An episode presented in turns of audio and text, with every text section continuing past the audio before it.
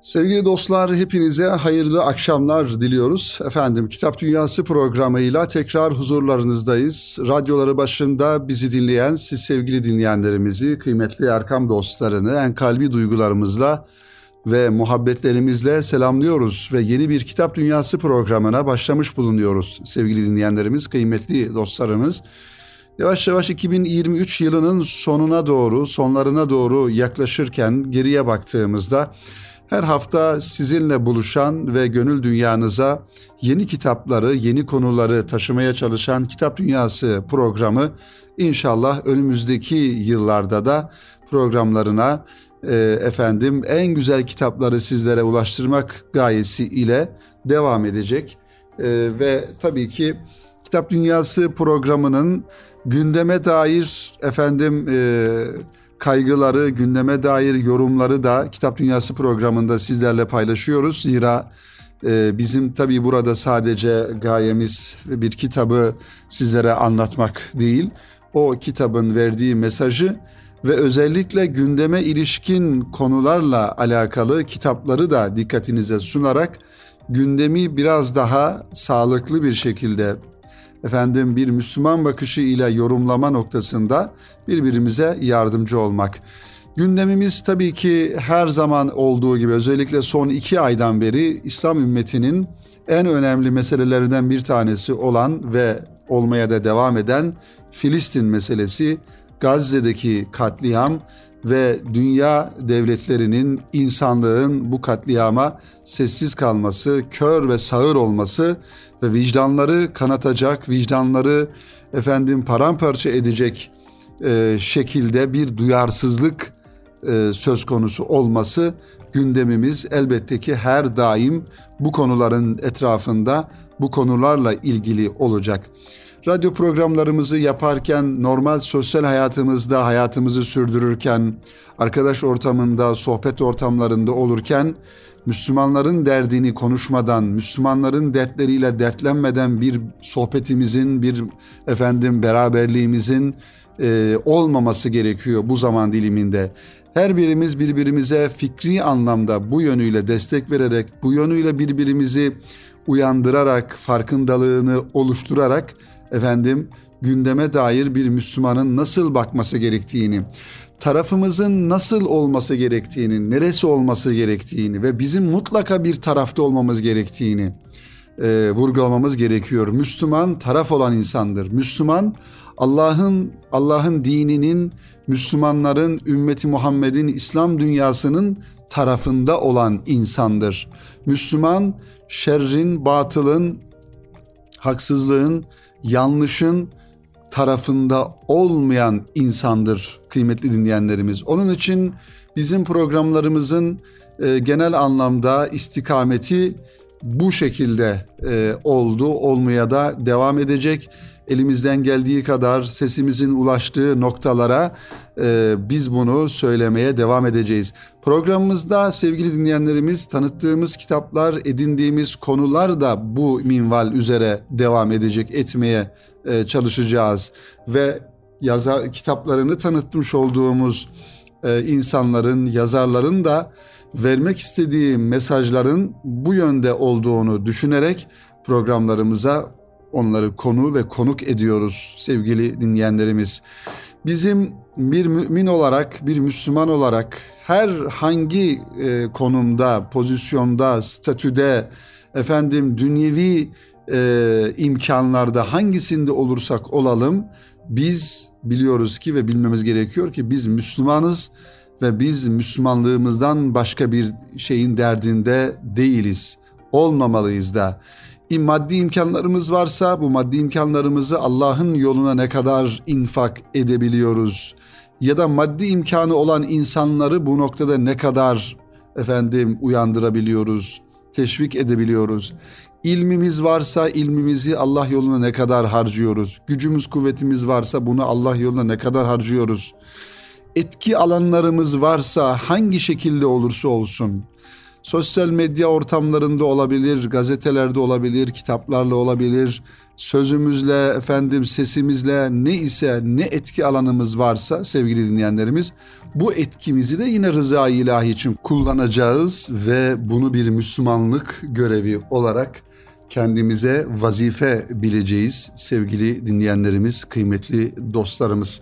Efendim bu hafta neler var? Bu hafta yine e, kendi alanlarında yaşamış oldukları dönemlerde önemli etkiler bırakan ve yazılarıyla, kitaplarıyla, fikirleriyle bir e, çığır açan, öncü konumunda olan birkaç e, yazarımızdan, birkaç efendim insandan e, bahisle programımızı sürdüreceğiz sevgili dinleyenlerimiz, kıymetli dostlarımız. Bu e, kimi anlatacağız onu da söyleyelim. E, inşallah zamanımızı da daha verimli bir şekilde kullanmaya çalışacağız. Nurettin Topçu'nun İslam ve İnsan, Mevlana ve Tasavvuf isimli kitabından e, Yunus Emre ile alakalı kısa bir bölümü var. Hem bu kitabı biraz daha yakından tanıyacağız ve bir de e, Yunus Emre'yi kısaca Nurettin Topçu'nun ifadeleriyle anlamaya ve tanımaya çalışacağız. Buna ilaveten İsmail Kara'nın dergah yayınlarından çıkan İsyan Ahlakı Peşinde Nurettin Topçu albümü isimli çalışmaya da bir göz atacağız. Öte yandan Asalet yayınlarından çıkan Ömer Tilmisani'nin en yakın dostunun kaleminden Hasan el-Benna merhumu e, kısaca bu kitabın vasıtasıyla tanımaya çalışacağız. Şayet zaman kalırsa e, Reşit Güngör Kalkan'ın efendim hazırlamış olduğu bir portre denemesi olarak bize sunduğu Ben İsmet Özel Şair isimli kitap e, Metamorfoz yayınlarından çıkmış. Kısaca bu kitaba da şöyle bir göz atacağız. E, biraz biyografi çalışmalarına yer vermiş olacağız bu, bu programımızda kıymetli dinleyenlerimiz.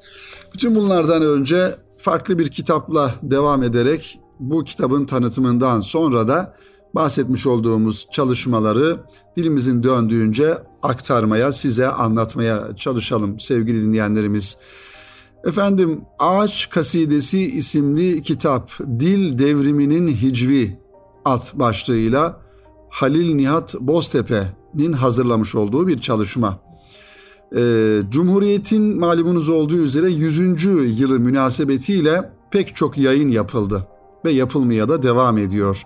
Türkiye Cumhuriyeti'nin kuruluşunun 100. yılı 1923 yılında kuruluyor Türkiye Cumhuriyeti ve 2023 yılı 29 e, Ekim itibariyle 100 yıl tamamlanmış oluyor. Bu çalışmaların çoğu 100 yılın muhasebesine girişen yahut yalnızca bir dönemin tasvirine niyetlenen çalışmalar. Vakıfbank Kültür Yayınları da tozlu raflarda unutulmaya yüz tutmuş bir metni gün yüzüne çıkararak bu yayınlara güzel bir katkıla, katkıda bulundu. Halit Nihat Boztepe'nin Ağaç Kasidesi Bahanur Garan Gökşen tarafından aslına sadık bir şekilde tekrar neşre hazırlandı ve okurlarla buluştu. Halit Nihat ilginç bir karakter. 1882 yılında Trabzon'da doğmuş. Türkçe öğretmenliği, çeşitli memuriyetler derken 1927 yılında Gümüşhane milletvekili olarak o zaman henüz daha Cumhuriyet 4 yıllık iken meclise girmiş. Daha sonra Trabzon milletvekili olmuş ve 20 yıla yakın süre Cumhuriyet Halk Partisi'nden vekillik yapmış. Bunlardan ayrı olarak Halit Nihat bir şair, yazar ve aynı zamanda edebiyatçı. Çeşitli gazete ve dergilerde şiirleri, edebiyat üzerine eleştiri ve incelemeleriyle de yer almış. Ona asıl ününü kazandıran ise 1931 yılında 140 beyitten oluşan 14 sayfalık küçük bir risale olarak yayımladığı Ağaç Kasidesi. Bu Ağaç Kasidesi meşhur bir çalışma, bir hicviyedir sevgili dinleyenlerimiz. Onu da zikredelim. Bu kitabın tanıtımını yaparken ilgili ve meraklı olan kardeşlerimize Halit Nihat 1947 yılındaki yeni baskısında beyit sayısını 1500'e çıkarmış. Eserin hikayesi de çok ilginç.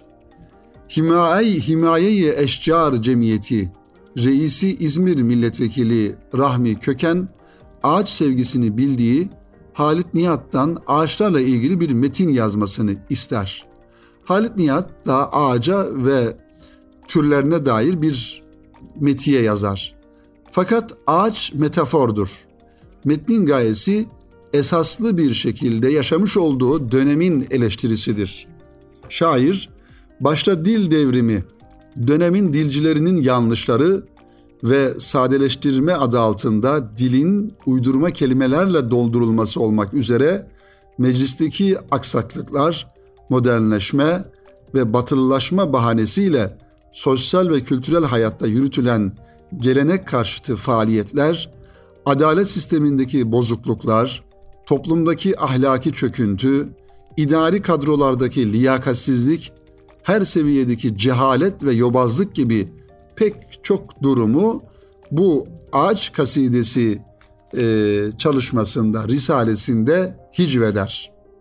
Evet burada tabi e, dil devrimi sevgili dinleyenlerimiz harf inkılabı ya da diğer inkılapları şöyle göz önüne aldığımızda bunların içerisinde bir toplumun kültürünü neredeyse ortadan kaldıracak bir vaziyette bugün anladığı kitapları yarın anlamayacak, okuyamayacak duruma e, getiren bir harf inkılabı bu ülkede yaşanmış e, ve malumunuz olduğu üzere şu an dahi biz bizim gibi e, insanlar dedelerimizin yazmış oldukları metinleri okumaktan aciz bir şekildeyiz maalesef. Halit Nihat Kaside'nin ilk baskısında dönemin şartları gereği son derece üstü kapalı bir dil kullanırken İsmet İnönü'nün Cumhurbaşkanı olduğu dönemde 1947'deki ikinci baskısında devrin ünlü milletvekili ve bakanlarını, dilcilerini, üst düzey memurları ve çeşitli yazarları bazen doğrudan isim vererek bazen de ima yoluyla eleştirir. Fakat Halit Nihat'ın hic- hicivleri hayli süslü ve kibardır. Kabalığa ve hakarete sapmadan zarif nüktelerle, esprilerle, ince alaylarla söyler söyleyeceğini. Tüm bunları yaparken de halen CHP'nin Trabzon milletvekili olduğunu hatırlatmak gerekiyor. Yani o yıllarda. Yani siyasetin doğrudan göbeğinde biriydi Halit Nihat ve devlet içindeki aksaklıkları bizzat müşahede edip bunları hicvediyordu. Ağaç kasidesi özellikle 1947'deki genişletilmiş haliyle edebiyat ve siyaset dünyasında bir hayli ses getirir. Adnan adı var, Halide Edip, Vala Nurettin, İbrahim Alaaddin Gövsa, Fazıl Ahmet Aykaç, Faruk Nafiz Çamlıbel gibi devrin önemli isimleri Ağaç Kasidesi ve Heccavi ile alakalı yazılar yazar. Gelin görün ki hikaye mahzun bir hal alır. Kalemini sivrilten Halit Nihat giderek yalnızlaşır, siyasetçiler kendisine sırt çevirince edebiyat dünyasında da yanına kolay kolay yanaşan kimse kalmaz. Önceleri İsmet Paşa en küçük bir rahatsızlığında dahi kendisini ziyarete geldiği halde Ağaç kasidesinin neşrinden sonra Halit Nihat'ın bir daha yüzüne bakmaz. Halit Nihat ise kalbinden rahatsızlanmış. Daha sonra da bir gözünü kaybetmiştir. İyice zor duruma düşen şairi yakın dostu İbrahim Alaaddin Gövsa himaye eder. Evet, bugün dahi Ankara'daki kabirleri de yan yanadır. Nihayet 17 Şubat 1949 günü Ağaç Kasidesi'nin şairi çok sayıda uyku ilacı alarak maalesef hayatına son verir. Naaşı Cebeci Asli Mezarlığı'na defnedilir. Geriye nüktedan ve zarif mısraları kalır. Diyor ki Halit Nihat Boztepe, olup zaman ile perver gazelde bakiye, atar dururdum o şiveyle nükte sakiye. İşte böyle bir hikaye ve böyle bir yazar Cumhuriyet'in ilk yıllarında gerçekten büyük bir cesaretle o zaman birçok e, fikri anlamda kısıtlılığın olduğu, düşünce özgürlüğünün dahi olmadığı malum biliyorsunuz Türkiye'de daha yakın döneme kadar 146, 144. maddeler, 163. maddeler diye bunu internetten bakılırsa görülür.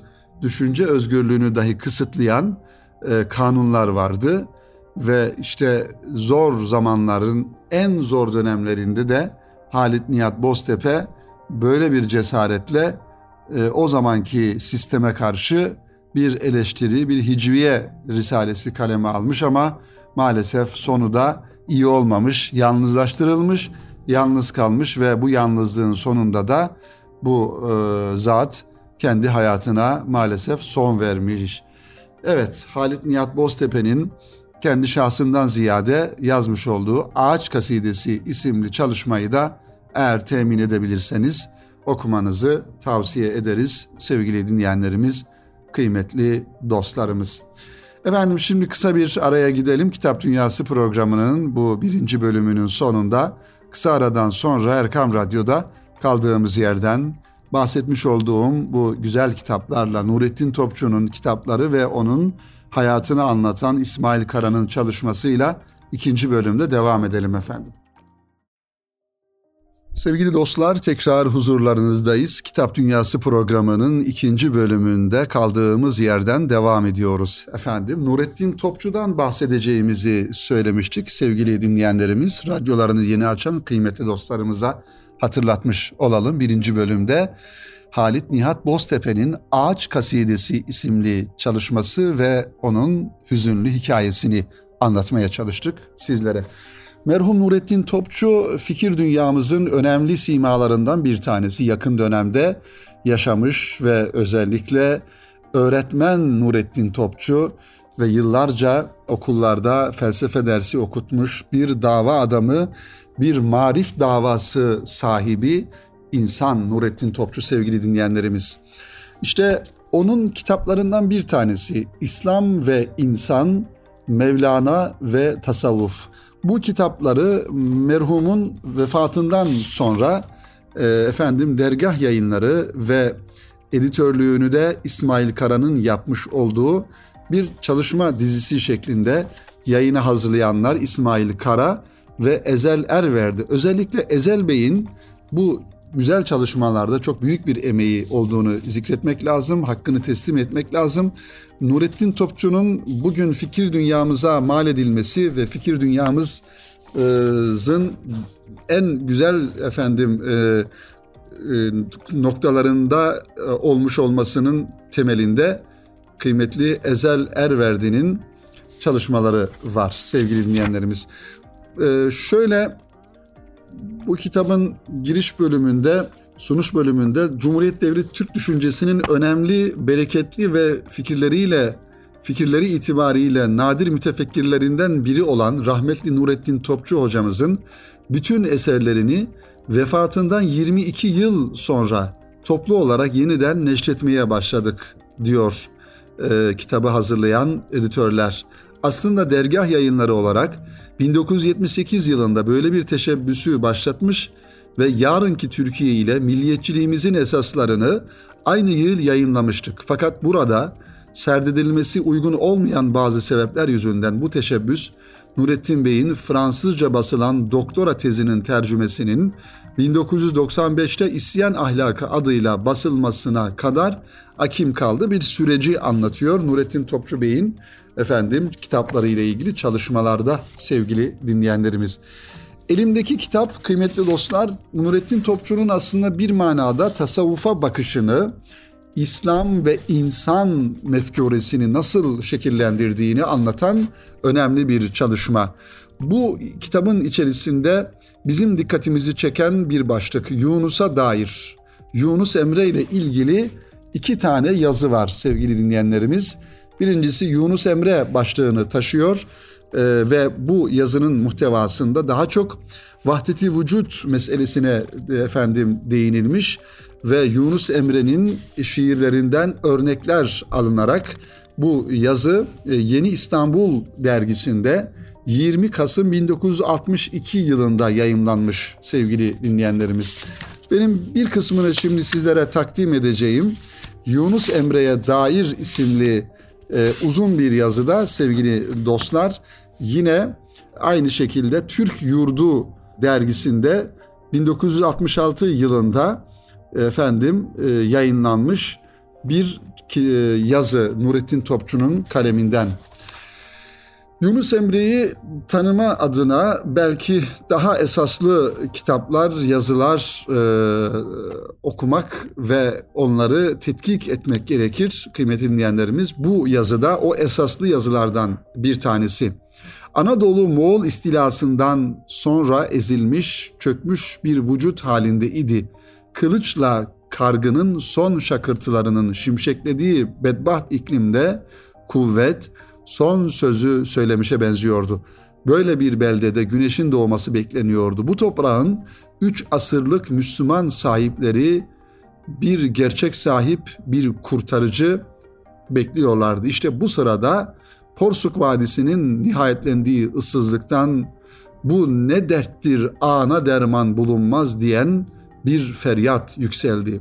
Ses topraktan fışkırıp arşa yükseldi. Rahmet istiyordu. Yerin gökle birleşmesini dileyen bir dua idi adeta. Dağlara inen ve gönüllere dolan sonsuz rahmete doymuyordu. Bulutlar dağıldığı zaman dağ başlarında gözüken garip yolcunun iniltileri duyuldu. Ben yürürüm yane yane, aşk boyadı beni kane. Ne akilem ne divane, gel gör beni aşk neyledi. Evet işte Yunus Emre'nin aşk yürüyüşü bir feryat gibi Anadolu'nun topraklarından adeta gökyüzüne efendim çıktı ve yankılandı. Anadolu'nun havasında şimşekler yeni dağılmış, intikam kokularına bulanmış yatan gövdeler topraklarda ufalanmış, üstünde olup olup bitenlerden benzi sararmış toprak bitkin, yerler kan izi, bir kere de o zaman bu ülkede ümitler ölmüştü. Evet, e, Yunus Emre'nin güzel e, beyitlerinden ara ara almış olduğu bu güzel yazının bazı paragrafları da şu şekilde devam ediyor sevgili dinleyenlerimiz, kıymetli dostlarımız. Tek başına varlığa hakim olan bu ihtiras her şeyden geridedir. Varlık ve yokluk onda değerini kaybeder. Cennet ve nimetler de öyle.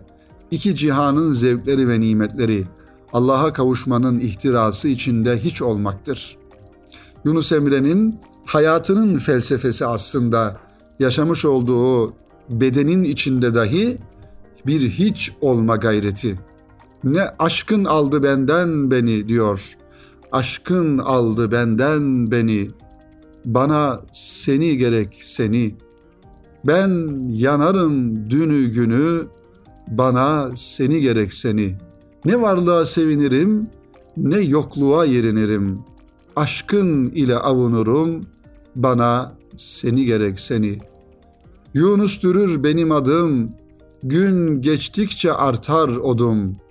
iki cihanda maksudum bana seni gerek seni diye kendisinin hayatının felsefesini aslında hakkı, hakikati ve Rabbini araması olarak kıymetli dinleyenlerimiz burada ifade ediyor Yunus Emre.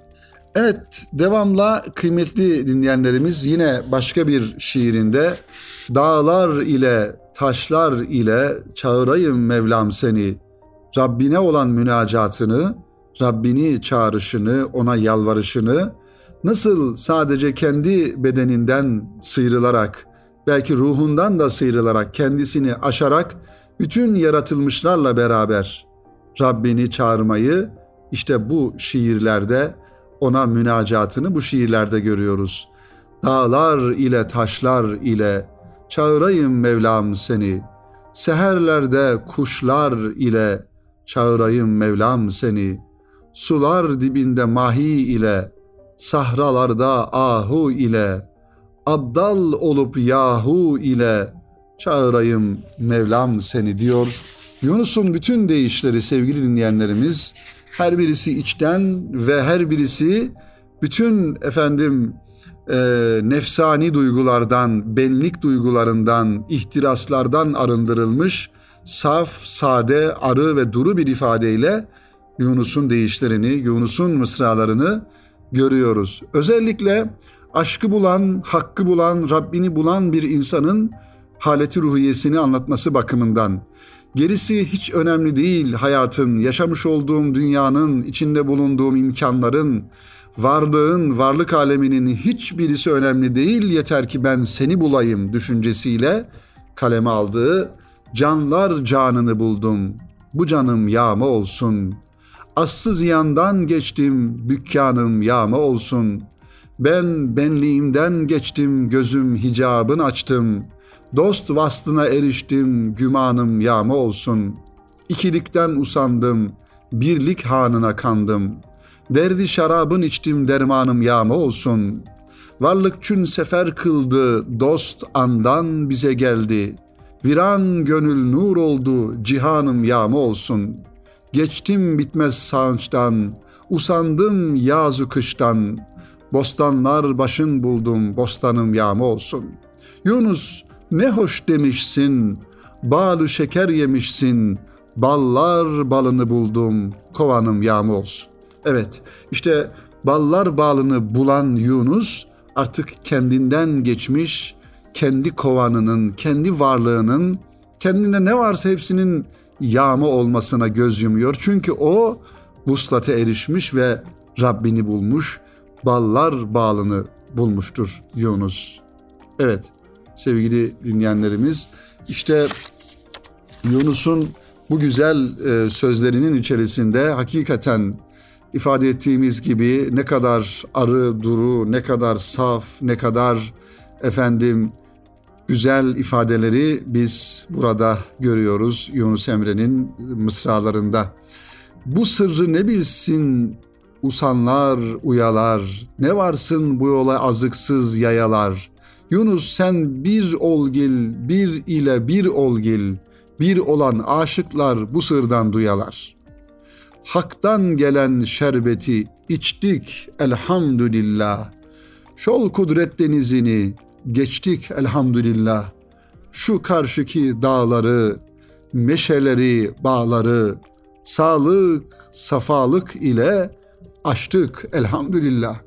Devamla diyor ki Yunus, kuru idik, yaş olduk, ayak idik, baş olduk. Havalandık, kuş olduk, uçtuk elhamdülillah. Taptuğun tapusunda, kul olduk kapusunda. Yunus miskin çiğ idik, piştik elhamdülillah. Evet inşallah Rabbimiz bizlere de pişmeyi nasip eylesin. Yanmayı, pişmeyi nasip eylesin. Mevlana'nın dediği gibi hamdım, yandım, piştim. Bu yolun serüveni de böyle. Ham olarak girilir ve yanılır, en sonunda pişilir. Cenab-ı Hak bizlere, her birimize bu yolda pişmeyi, olgunlaşmayı, kemale ermeyi nasip eylesin diyoruz sevgili dinleyenlerimiz. İşte ara ara mısralarını burada zikrettik ama merhum e, Nurettin Topçu çok esaslı bir yazı kaleme almış Yunus Emre ile alakalı ve onun ruh dünyasını, manevi dünyasını buralarda bize ifade etmiş e, sevgili dinleyenlerimiz, kıymetli dostlarımız. Efendim Nurettin Topçu'nun İsyan Ahlakı Peşinde albümü ismiyle onun hayatını e, küçüklüğünden vefatına kadar anlatan bir kitapta önümüzde. İsmail Kara hazırlamış bunu dergah yayınlarından. E, dilerseniz bunu da inşallah önümüzdeki programa saklayalım. Bu hafta bu kadarla iktifa edelim sevgili dinleyenlerimiz. Programımızın bu son dakikalarında tekrar efendim gönlümüzün gündemi olan Gazze'deki kardeşlerimize Allah'tan yardım, sabır, sebat niyaz ediyoruz ve şehit olan kardeşlerimize de Rabbimizden rahmetler diliyoruz. Onların şefaatlerini Rabbimizden niyaz ediyoruz. Onlar dirilişi yaşadılar, gözlerini ahirete açarak gerçek anlamda dirilmeyi yaşadılar. Rabbim bizlere ve arkada kalanlara da bu dirilmeyi nasip eylesin. Aslında Gazze özgür ama dünya tutsak sevgili dinleyenlerimiz. Dünya her yönüyle tutsak esaret altında menfaatlerinin, korkularının, efendim ihtiraslarının, iktidarlarının ve birçok dünyevi beklentilerinin ihtiraslarının esareti altında ama Gazze orada şehit olan çocukların, melek gibi cennete uçan çocukların sayesinde bugün dünyanın en özgür yeri. Bunu unutmayalım sevgili dinleyenlerimiz. Rabbimiz bizlere de gerçek anlamda özgürlükler nasip eylesin. Dua ve niyazıyla hepinizi Rabbimize emanet ediyoruz. Önümüzdeki hafta tekrar cumartesi günü buluşmak ümidiyle hoşçakalınız, hayırla kalınız efendim.